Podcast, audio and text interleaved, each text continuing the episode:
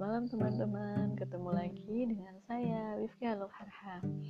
Nah, pada malam hari ini saya akan bacakan tentang kisah Nabi Lut. Di sini Nabi Lut adalah putra dari saudara Nabi Ibrahim. Lut ikut pindah ke Palestina bersama Nabi Ibrahim dan pengikutnya. Sesudah diangkat menjadi nabi dan rasul, Nabi Lut ditugaskan untuk berdakwah di negeri Sodom Penduduk negeri Sadum ini sangat durhaka dan memiliki moral yang buruk. Bangsa Sadum tidak menyetujui adanya perkawinan. Mereka menyukai sesama jenis. Inilah kebiasaan yang buruk yang disebut dengan uh, homoseksual dan lesbian. Jadi jangan mengira hal itu merupakan perilaku manusia modern karena perilaku ini sudah ada di zaman kuno yaitu pada zaman Nabi Lot. Dan hal ini lebih buruk daripada binatang karena binatang hanya mau menggauli lawan jenisnya. Di samping itu mereka suka merampok dan menyamun, mencegat orang di tengah jalan untuk diambil hartanya dan menculik para pemuda untuk uh, dilecehkan. Nabi Lut memberikan nasihat yang baik, tapi mereka tidak mau menerimanya, malah mengejek dan memaki-maki.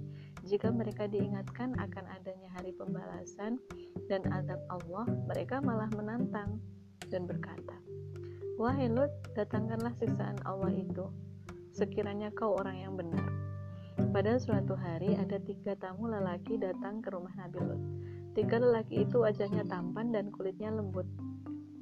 Kebiasaan kaum Sadum merampas dan merebut lelaki tampan dan perkasa untuk dilecehkan. Nabi Lut pun khawatir jika ketiga tamunya akan mengalami nasib tragis seperti itu. Tidak berapa lama kemudian datanglah berbondong-bondong penduduk Sadum ke rumah Nabi Lut. Mereka berdiri di depan rumah Nabi Lut yang tertutup rapat. Mereka berteriak agar Nabi Lut menyerahkan ketiga tamunya. Nabi Lut heran sebab tak seorang pun tahu tentang adanya tamu yang hadir di rumahnya. Tentu ada yang jadi pengkhianat di dalam keluarganya.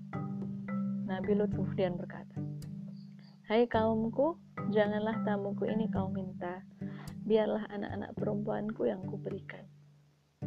Kemudian kaum Sardum menjawab, Hai Lut, engkau sudah tahu maksud kami. Kami tidak menyukai perempuan, kami hanya mengendaki laki-laki.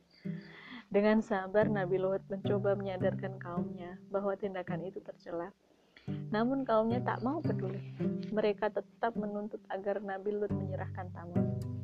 Di saat yang genting itu, ketiga pemuda tampan tadi berkata kepada Nabi Hai Lut, kami ini sebenarnya para malaikat yang diutus Tuhan. Tenangkanlah hatimu, mereka tidak akan membahayakan kamu. Jika hari sudah malam, keluarlah dari negeri ini bersama keluargamu Ingat, janganlah kalian melihat ke belakang. Maka keluarlah Nabi Lut dengan keluarganya melalui pintu belakang. Hari menjelang pagi, penduduk Sadum yang menunggu di depan rumah tak sabar lagi. Mereka mendobrak pintu rumah Nabi Lut.